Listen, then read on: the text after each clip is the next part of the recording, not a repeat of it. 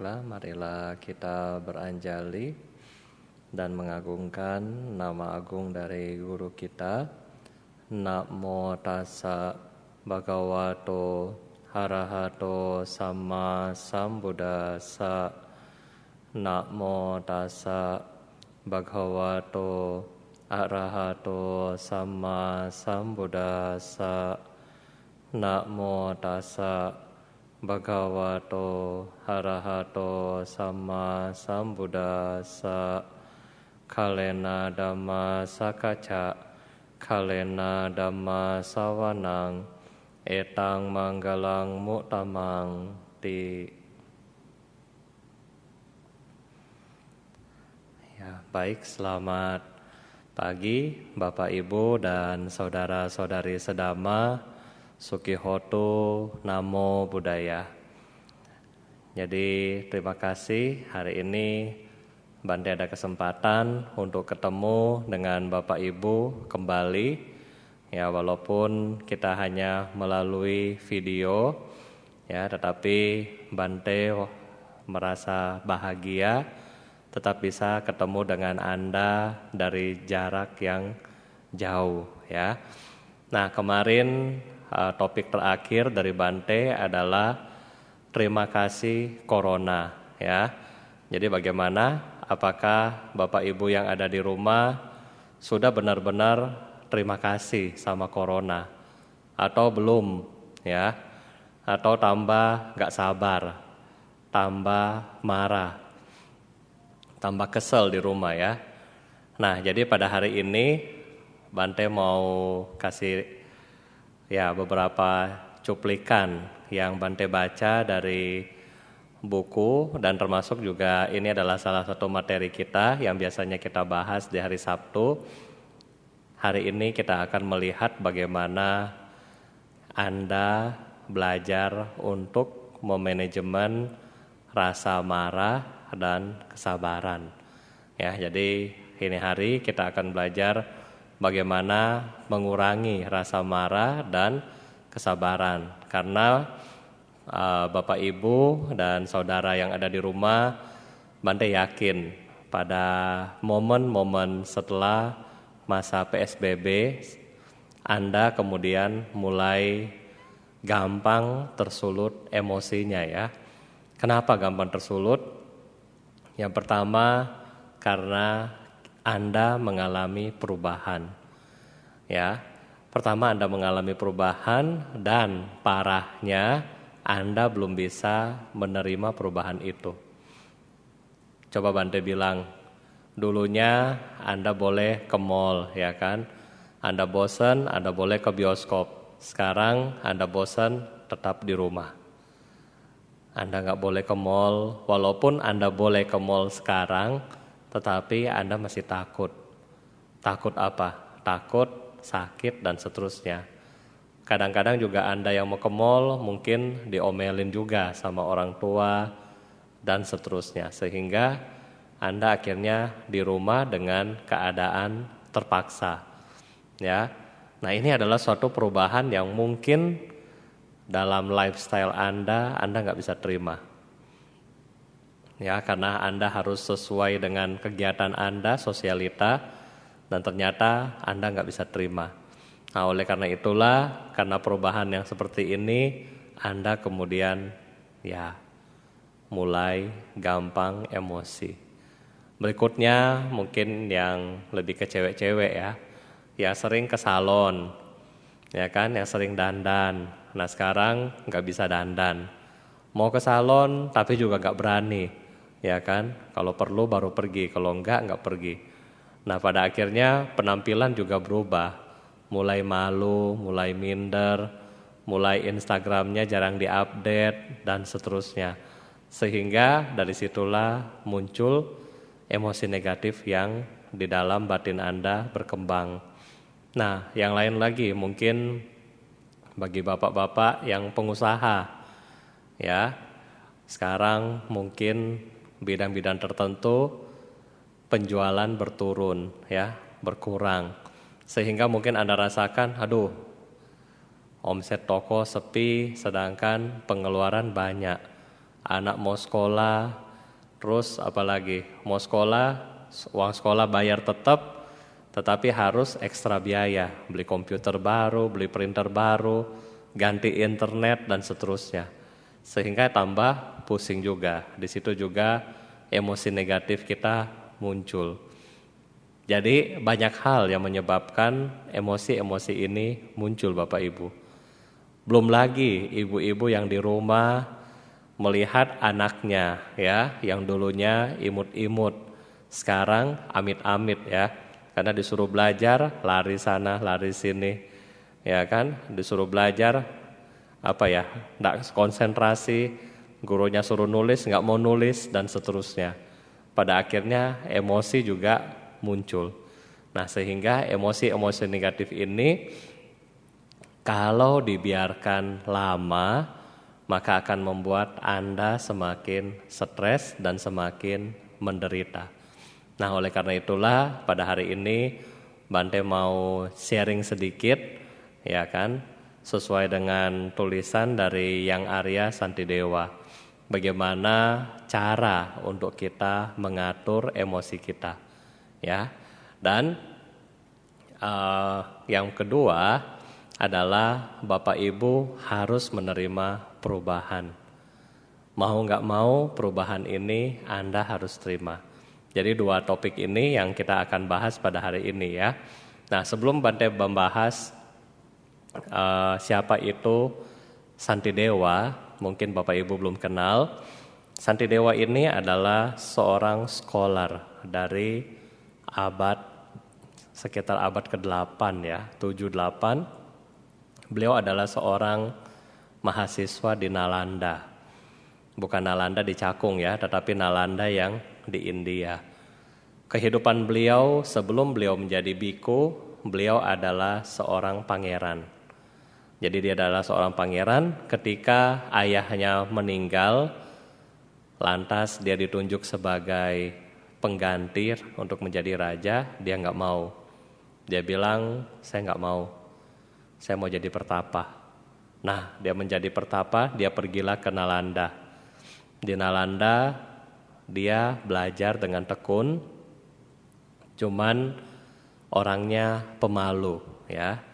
Jadi dikatakan dia di Nalanda ini hanya sibuk membaca buku, merenungkan, tetapi nggak bergaul dengan teman-temannya. Sehingga teman-temannya merasa apa ya, ini si Santi Dewa ini kerjanya cuma tiga ya, makan, jalan, tidur.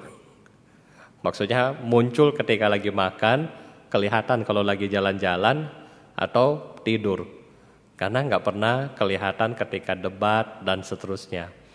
Nah, padahal di luar itu Santi Dewa di dalam kuti merenungkan mengenai ajaran-ajaran untuk pengembangan praktek-praktek dari bodhisatwa.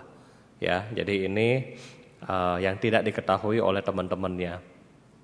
Akhirnya teman-temannya ya namanya masih manusia ya, masih mempunyai loba dosa moha. Mereka kemudian bilang, "Ayolah kita bikin acara." Acara ini untuk apa? Untuk bikin malu si Santi Dewa. Bagaimana caranya? Ya, mereka bikin yang namanya uh, setiap mahasiswa harus mengajar. Ya, setiap mahasiswa harus mengajar. Karena Santidewa sendiri sudah lama menjadi mahasiswa sehingga dia ditunjuk. Ya sudah, sekarang giliran kamu untuk mengajar. Nah, jadi ketika sudah hari H mau mengajar, para mahasiswa kan di Nalanda ribuan. Mereka sudah duduk di tempat untuk mendengarkan istilahnya ajaran dari Santidewa Ketika Santidewa mulai duduk di panggung, mungkin seperti Bante duduk di panggung seperti ini, para mahasiswa sudah ketawa ya. Ah, ini kan makan, jalan, tidur, nggak bisa apa-apa. Jadi mereka sudah punya perspektif negatif kepada dia. Nah, ketika Santidewa duduk di podium, ya, kalau kita bilang dalam bahasa itunya singhasana ya, singhasana tempat untuk memutar roda dhamma ya. Nah, Kemudian Santidewa bertanya, hari ini teman-teman mau belajar yang mana? Yang sudah pernah didengar atau yang belum pernah didengar?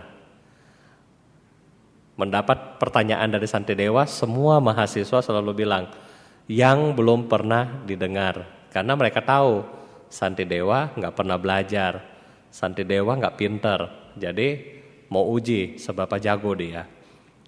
Akhirnya oke, okay, Santidewa mulai mengajar, yang beliau ajarkan adalah karangan beliau sendiri, yaitu uh, kalau kita bilang sekarang pedoman hidup jalan bodhisatwa ya. Nah ini judul uh, ajaran dari beliau, uh, naskah ya, naskah dhamma dari beliau, termasuk yang kita baca dalam bahasa Pali, yaitu Etawata ya. Nah Etawata juga karangan dari Santidewa. Jadi biar Anda ada linknya gitu ya. Mungkin pedoman hidup jalan bodhisatwa bagi kita yang orang Terawada mungkin nggak terlalu familiar. Tetapi kita familiar etawatanya. Jadi sama. Nah ketika mulai beliau mengkhotbahkan ya syair-syair tentang uh, bodhisatwa, jalan hidup bodhisatwa, kemudian perlahan-lahan Santidewa itu mengambang ya dari kursi yang tempat dia duduk. Dia mulai mengambang, pelan-pelan dia terbang, terbang, terbang dan menghilang. Walaupun dia sudah hilang karena hilang ke angkasa ya. Suara dia masih ada sampai chapter terakhir dari bukunya ya. Jadi luar biasa ya. Jadi setelah pembabaran dhamma selesai, para mahasiswa meminta maaf ya. Kemudian mereka memuji bagaimana yang Arya Santidewa. Ya. Jadi Santidewa termasuk salah satu guru besar yang hingga hari ini beliau banyak menginspirasi termasuk menginspirasi aliran-aliran yang ada di Mahayana dan Vajrayana. Tulisan-tulisan beliau ini sangat sering dipakai oleh seperti guru-guru besar seperti His Holiness Dalai Lama, Karmapa, nah, mereka sering pakai buku ini, ya, buku dari Santidewa. Nah, sekarang Bapak Ibu itu Santidewa. Apa isi ajaran dari beliau? Isi adalah bagaimana cara seseorang untuk mencapai tahapan bodhisatwa. Dalam buku ini terdapat beberapa jenis latihan. Salah satunya adalah kanti parami, ya, paramita untuk sabar ya. Jadi kanti parami, kesempurnaan dari praktek kesabaran. Bagaimana biar Anda sabar? Ya, ini ada sembilan poin yang di sini. Sebelum kenapa sih kita harus sabar? Ini mungkin yang harus Bapak Ibu tahu. Kenapa sih Anda harus sabar? Sekarang Bante tanya kepada Anda. Kira-kira enak nggak kalau kita marah-marah? Enak nggak kalau kita emosi, ya kan? Atau enak nggak kalau kita menyimpan dendam dari orang lain yang menyakiti kita?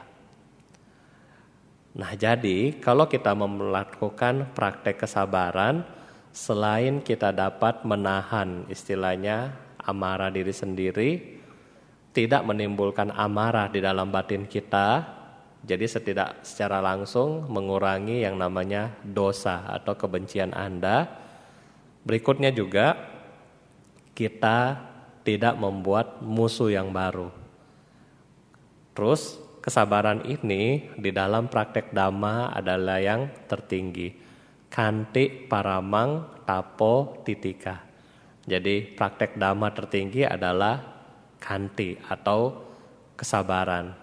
Jadi kesabaran adalah hal yang sangat penting di dalam ajaran Buddha.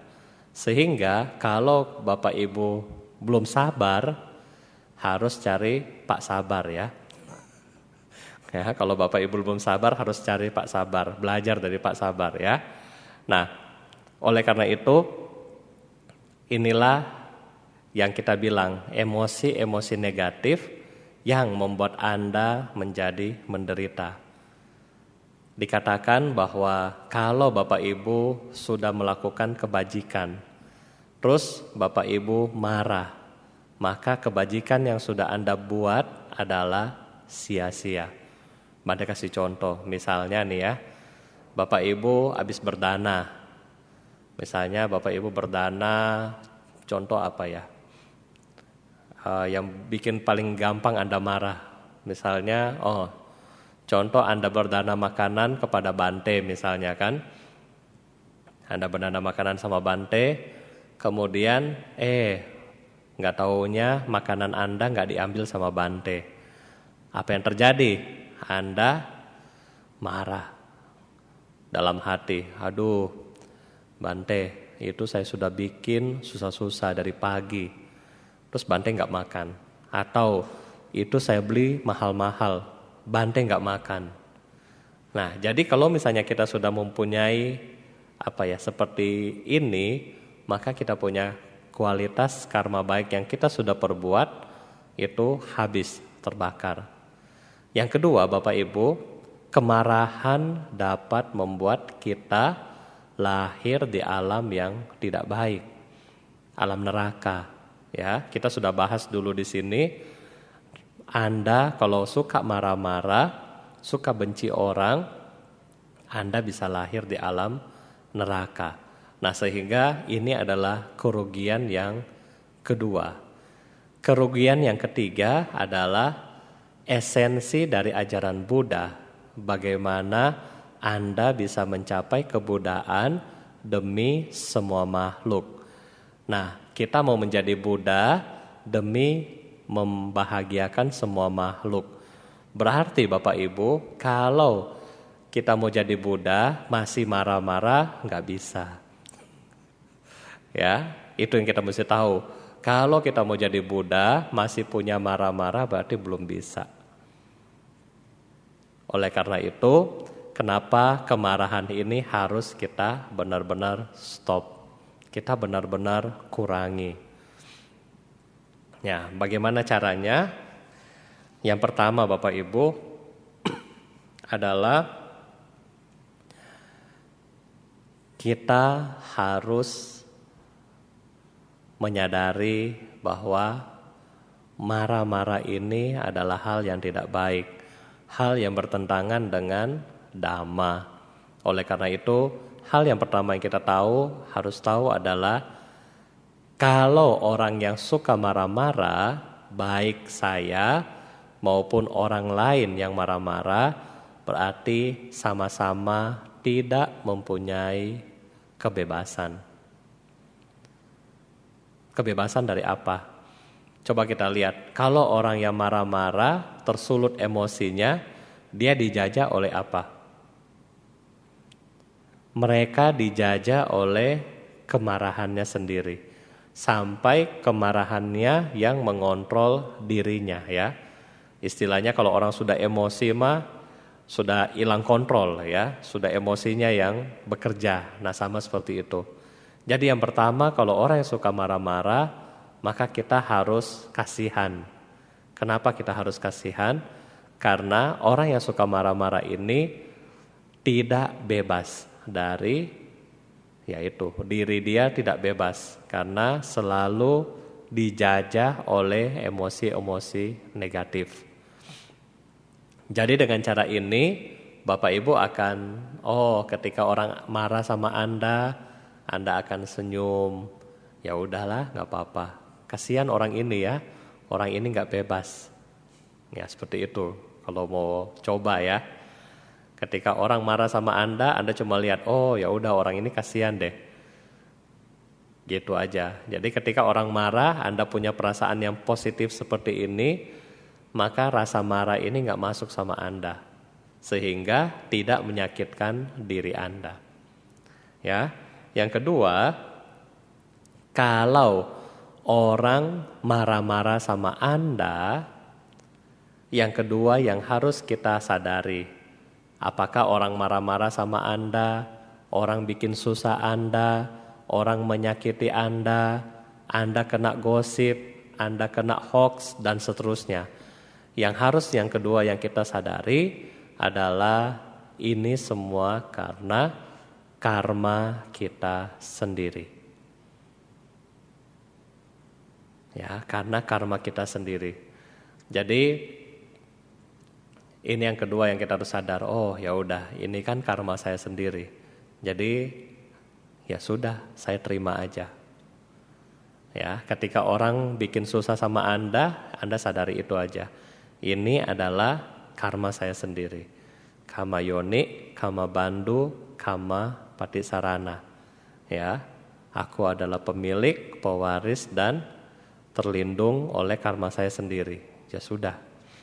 Jadi kalau Anda memahami pemahaman karma yang kuat, Anda nggak bakalan marah, anda nggak bakalan kecewa ketika Anda mengalami suatu masalah. Kenapa? Karena Anda sudah tahu segala sesuatu yang terjadi pada diri saya diakibatkan sama perbuatan saya di masa lampau. Ya, perbuatan saya di masa lampau sehingga saya saat ini menderita. Jadi ini yang Bapak Ibu harus punya kedua, pemikiran kedua. Kalau Anda sudah punya pemikiran kedua harusnya sudah aman ya. Sudah aman. Jadi sudah aman, Bante juga aman. Kenapa? Kalau Bapak Ibu sudah punya pemahaman karma, Bante aman. Amannya kenapa Bante? Sudah nggak ada yang tanya lagi ya. Bante, kenapa saya masih susah begini? Bante, kenapa dapat anak model begini? Bante, kenapa dapat suami model begini? Bante, kenapa dapat istri model begini? Ya kan? Kalau Anda sudah memahami karma, nggak ada lagi pertanyaan itu. Karena Anda sadari bahwa segala sesuatu ada sebabnya dan akan lenyap kalau sebabnya sudah habis. Ya, kalau Anda mau bertanya sama Bante, Bante, kenapa saya dapat istri model begini? Kenapa saya dapat anak model begini? Bante akan jawab, siapa suruh dari dulu nggak jadi Bante ya. Oke, Bante bercanda. Yang ketiga adalah Anda harus menyadari bahwa orang yang menyakiti Anda dan Anda merasa sakit itu karena kesalahan dari tubuh dan pikiran kita. Karena kita menerima ini. Mari kasih contoh, misalnya teman Anda nggak sengaja ya, nggak sengaja uh, atau misalnya yang paling kita mungkin paling sering kesel adalah guru, sama guru kita di sekolah dulu ya. Mungkin terutama yang 30 tahun ke atas. Ketika kita masih sekolah dulu, ya kan kalau nggak bikin PR bagaimana? Keluarin tangannya, terus dipukul. Nah itu kalau guru masih baik. Kalau masih keras, begini, ya kan? Tangannya diginiin, terus dipukul pakai penggaris. Kalau masih nakal, ditarik di sini nih. Ya kan, bukan tarik di telinga ya, tarik di sini nih. Nah itu. Jadi dari seperti itu kadang-kadang kita merasa kesel sama guru kita, sama orang lain yang kita anggap orang ini menyiksa saya. Orang ini menyakiti saya. Jadi gara-gara hal yang sepele seperti tadi, masuk ke dalam batin kita bahwa dia menyakiti saya dan dia adalah orang yang sangat-sangat jahat. Nah, padahal Bapak Ibu uh, di sini uh, yang Arya Santidewa bilang bahwa ini adalah kesalahan dari pikiran kita dan dari badan jasmani kita. Kenapa? Karena uh, Dewa di sini bilang, kalau Anda tidak mempunyai badan jasmani, maka Anda tidak akan dilukai oleh siapa pun. Tangkap nggak maksudnya? Selama kita masih mempunyai rupa atau wujud seperti ini, maka ini adalah sasaran empuk dari makhluk-makhluk lain untuk menyakiti kita. Karena kita punya wujud. Kalau kita sudah nggak punya wujud dalam hal ini, Anda sudah enlightenment, tercerahkan, Anda sudah mencapai tingkat kesucian, Anda nggak merasa lagi bahwa dia menyakiti saya, ya kan? Dia menghina saya dan seterusnya. Karena kita masih mempunyai wujud fisik, maka kita masih menderita. Coba Anda bayangkan kalau badan kita seperti batu, begitu keras. Orang pukul, Gak rasa, ya kan? Gak rasa. Tapi kalau kayak ini, ya kan, dicubit dikit, sakit. Nah itu karena badan kita sendiri yang saat ini adalah wujudnya lemah, ya. Oleh karena itulah kita nggak boleh melekat sama badan kita. Yang kedua, kesalahan pikiran. Kenapa disebut kesalahan pikiran? Kalau Anda menganggap apa yang dia sampaikan adalah jelek tentang Anda dan Anda simpan di hati, maka ini adalah kesalahan pikiran dari kita sendiri. Dalam satu perumpamaan, Buddha sempat juga difitnah oleh para brahmana ya. Jadi Buddha lagi ceramah di depan banyak orang. Kemudian di India orang apa brahmana ini datang di tengah-tengah banyak orang, Brahmana ini mengolok-ngolok Buddha. Di depan ya, mengolok-ngolok Buddha. Ya ditunjuk-tunjuk Budanya ya. Terus apa yang terjadi? Buddha cuma senyum, tambah senyum, tambah dia marah, ya kan? Tambah senyum, tambah dia marah. Buddha cuma diam, nggak bergotik, nggak emosi, diam cuma liatin aja, liatin doang. Sudah bosan dia marah-marah orang, terus dia tanya kepada Buddha, kenapa lu nggak marah saya? Buddha cuma ketawa, Buddha bilang, Bapak, kalau seandainya uh, saya mau ke rumah Bapak, Bapak menyiapkan kue buat saya, ya kan? Kalau sampai di rumah Bapak, kue itu saya nggak makan. Jadi yang makan kue ini siapa? Kira-kira siapa? Pemiliknya sendiri. Nah sama Bapak Ibu, ketika orang marah sama kita, orang sakiti kita, kita nggak usah bangkit marah, biasa aja. Kenapa? Karena kalau kita nggak bikin sebab emosi yang baru, maka yang makan kuenya siapa? Yang menderita siapa? Dia sendiri. Ya, jadi di sini kita bilang Inilah permainan dari pikiran Anda. Jangan sampai baru Anda dikatain, Anda sudah marah, ya kan? Sudah mau cari tahu siapa nih yang sebarin hoax nih, dan seterusnya. Sudah mulai curiga, mulai panik, mulai cari dukun, mulai cari bante dan seterusnya. Ya, jadi nggak usah. Kalau misalnya kita nggak salah, toh bukan kita yang bikin, ya udah santai aja, enjoy aja nggak usah klarifikasi, nggak usah konferensi pers, nggak usah. Ya, jadi ini adalah kesalahan pikiran kita.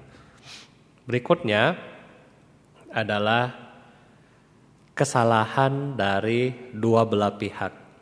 Ini juga banyak kali terjadi ya, kesalahan dari dua belah pihak, terutama hujat menghujat. A menghujat ke sini. Kita lihat kalau secara politis ya, kalau Anda baca koran, Cina sama Amerika ya.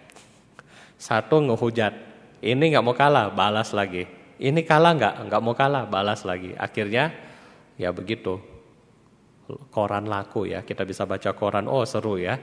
Karena ini, padahal kita lihat siapa yang salah. Dua-duanya salah. Kalau salah satu sudah dilempar isu, ya satu diam aja, kan bukan saya. Saya diam aja, tenang aja. Maka yang ini capek, dia mau cari bahan apa lagi. Kalau kita di sini tetap cool, makanya di sini Santi Dewa bilang kita harus merenungkan kadang-kadang kita juga bikin salah dan dia juga bikin salah. Jadi ketika pada kondisi yang sama, kita jangan saling hujat menghujat ya. Jangan membuat sebab karma yang baru muncul. Yang berikutnya adalah ini secara dua belah pihak ya, secara dua belah pihak. Yang berikutnya ini adalah lebih pada perenungan diri Anda sendiri. Anda mulai sadar bahwa kalau saya memiliki kesabaran, maka saya mempunyai manfaat. Manfaat apa yang Anda akan punya? Di sini Anda harus sadar bahwa musuh-musuh Anda adalah memiliki manfaat besar buat Anda. Kenapa Bapak Ibu? Kita kasih analogi yang lain ya. Misalnya ketika Bapak Ibu mau mengembangkan dana paramita, ya kesempurnaan mengenai berdana. Gampang, Anda punya uang 10 ribu, Anda tinggal kasih orang di depan, pasti dia terima. Anda punya makanan, Anda kasih di depan, pasti dia terima. Anda punya darah, bawa ke PMI, pasti PMI ambil. Gampang kalau kita melatih dana paramita. Karena kenapa? Kita memberi sehingga sangat gampang semua orang mau. Ya kan? Bante pengalaman berapa kali kalau kita bagi sembako misalnya kan. Walaupun dia ada mobil, masih ngambil. Ya, Walaupun ada mobil, nilai sembako paling tidak sampai sera, apa 200 ribu ya, masih mau ambil. Padahal ada mobil. Nah itu, jadi kalau kita melatih dana paramita sangat gampang. Kita ada berapa, tinggal kasih, bagi. Kadang-kadang masih kurang. Tetapi Bapak Ibu, kalau kita mau melatih kanti parami, ya kanti parami berarti untuk menguji paramita Anda sudah sabar atau belum, kita mempunyai, harus mempunyai tim penguji, yaitu siapa? Musuh-musuh Anda, orang yang bikin hoax sama Anda, orang yang bikin Anda sebel, dan seterusnya. Berarti ini kan yang harus kita punya, betul nggak? Contoh, kita mau ujian, harus ada apa? Harus ada dosen, kasih sidang. Kita mau ujian naik kelas, ada guru kasih ujian. Sama, ketika kita mau tahu seberapa banyak kita punya kesabaran, maka kita mempunyai musuh, harus mempunyai musuh atau orang-orang yang membuat Anda susah. Sehingga di sini kita harus berterima kasih sama mereka. Karena kenapa? Susah nggak cari musuh? Susah. Dibanding tadi kan, Anda punya 10 ribu, Anda bagi gampang. Tetapi Anda mau cari musuh, dari 10 teman Anda belum tentu satu jadi musuh Anda. Ya, oleh karena itu Anda harus berpikir bahwa oh, musuh ternyata membawa manfaat buat saya. Manfaatnya apa? Menguji sebagaimana seberapa besar saya punya kesabaran. Nah, mengenai benefit ini Bante pernah membaca riwayat dari Yang Mulia Lama Atisa di Pankara ya seorang uh, dari Bangladesh. Beliau belajar di beliau bukan di Nalanda, tetapi yang satu Bante lupa. Nah dari sana kemudian beliau datang ke Indonesia di Sriwijaya belajar sama yang mulia uh, Dharma Kirti Serlingpa di Sriwijaya ya di daerah Sumatera. Setelah beliau belajar sekitar 12 tahun, beliau kembali ke India kemudian ke Tibet. Nah, selama pergi ke India dan Tibet, beliau ditemani oleh satu orang tukang masak. Tukang masak ini luar biasa. Seluruh wihara nggak ada yang cocok sama dia. Semua wihara, eh, seluruh orang di wihara bohwat sama tukang masak ini. Ya, asisten pribadi dari guru Atisa ya. Sehingga orang-orang pada tanya kepada guru Atisa, Guru, kenapa begitu banyak murid? Kenapa kamu pilih satu ini sebagai murid utama kamu untuk masak ya, sebagai asisten? Kenapa nggak pilih yang lain, yang lebih baik, yang lebih pinter, yang lebih sopan dan seterusnya? Kalau ini mah bicaranya kasar, ngomel dan seterusnya. Apa yang dijawab oleh guru Atisa? Guru Atisa bilang, oh ya memang yang lebih banyak dari dia ini lebih sempurna dari dia banyak. Yang lebih pinter, ya kan, yang lebih bijaksana, sopan, dan seterusnya. Tetapi dia ini justru paling spesial karena dia ini mengajarkan saya kesabaran. Jadi ini adalah guru kesabaran saya. Sehingga tidak apa-apa dia harus ikut sama saya setiap hari saya harus belajar mengendalikan emosi saya. Nah, berarti kita harus sadari benar bahwa musuh-musuh Anda, orang-orang yang menyakiti Anda seperti berlian.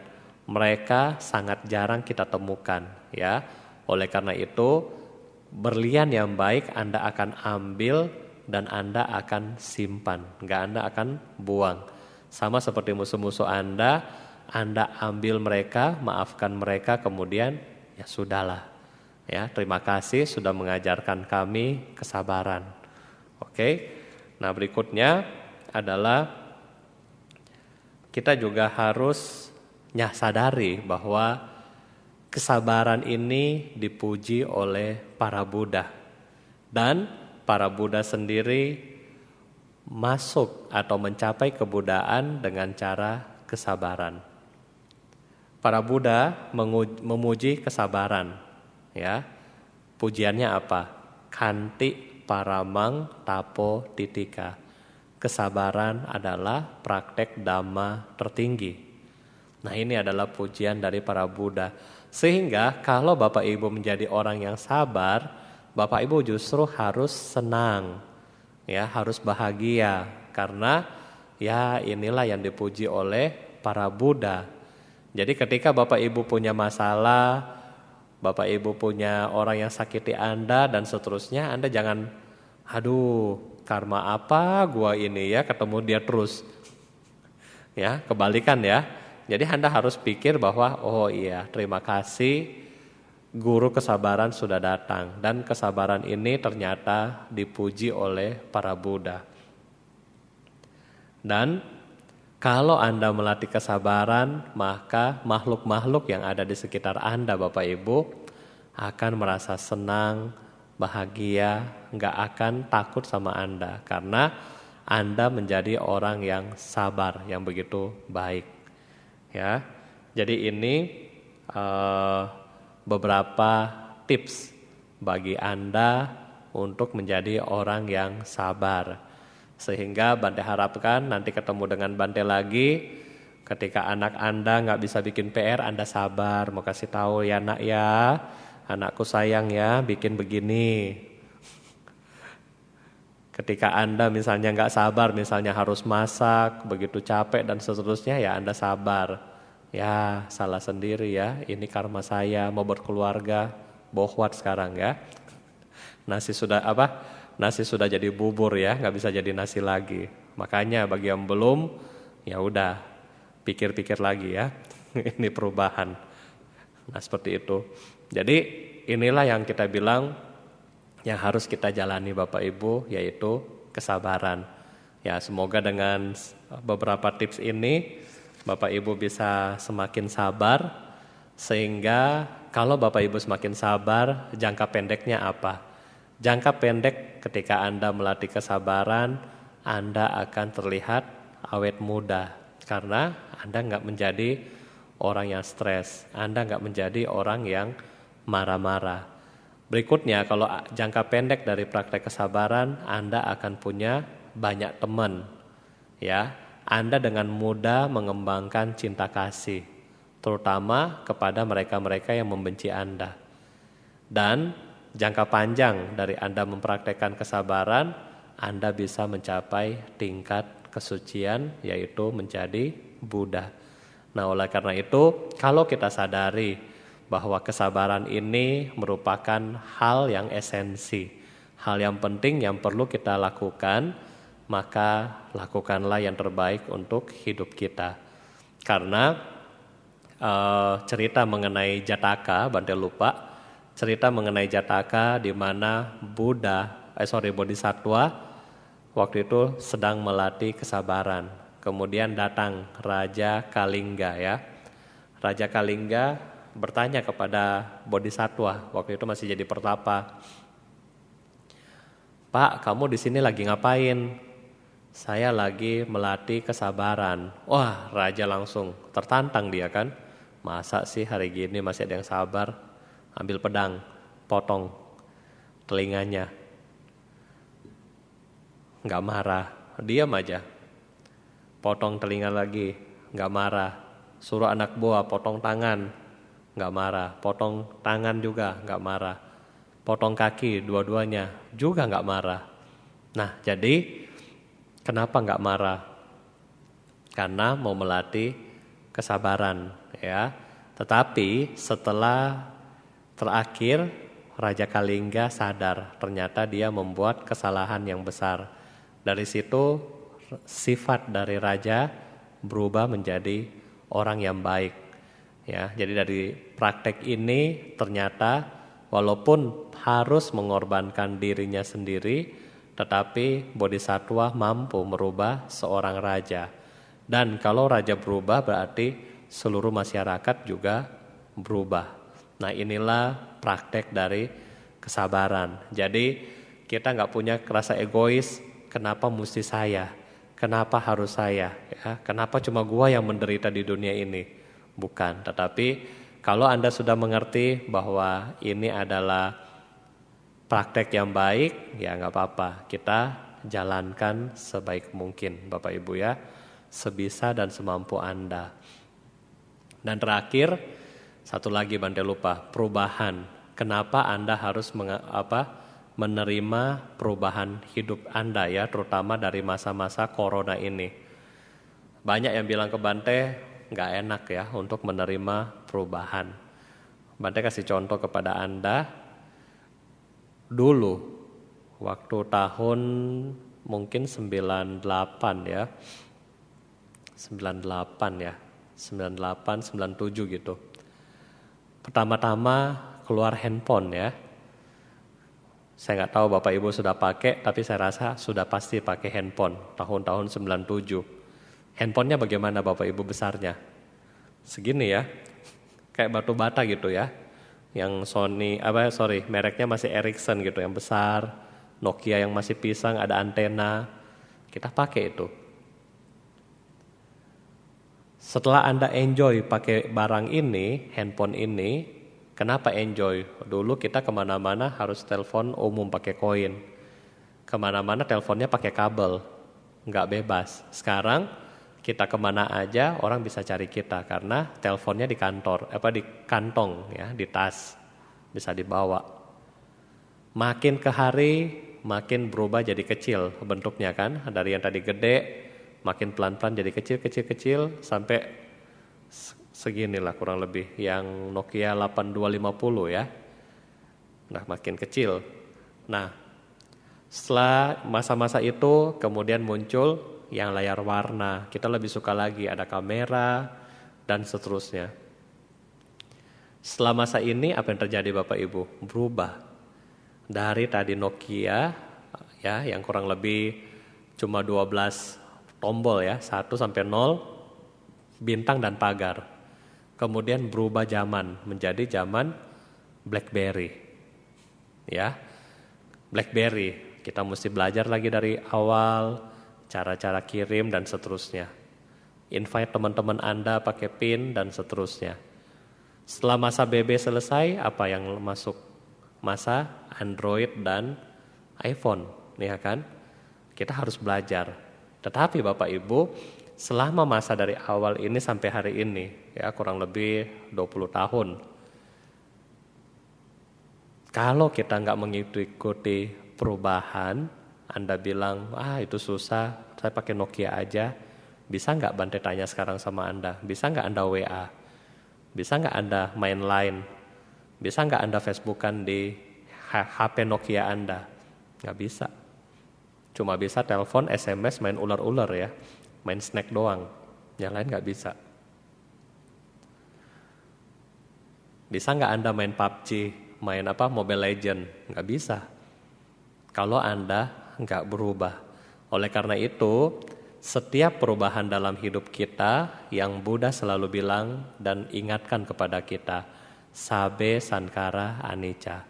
Segala sesuatu tidak kekal. Inilah yang Bapak Ibu harus pegang kita harus mengikuti perubahan ya termasuk perubahan dalam kebaktian seperti ini perubahan hidup Anda perubahan sistem dalam perusahaan Anda perubahan dalam sistem sekolah dan seterusnya jadi kalau kita mengikuti perubahan toh kita akan mendapatkan suatu formula yang baru untuk kehidupan kita yang lebih baik di masa mendatang.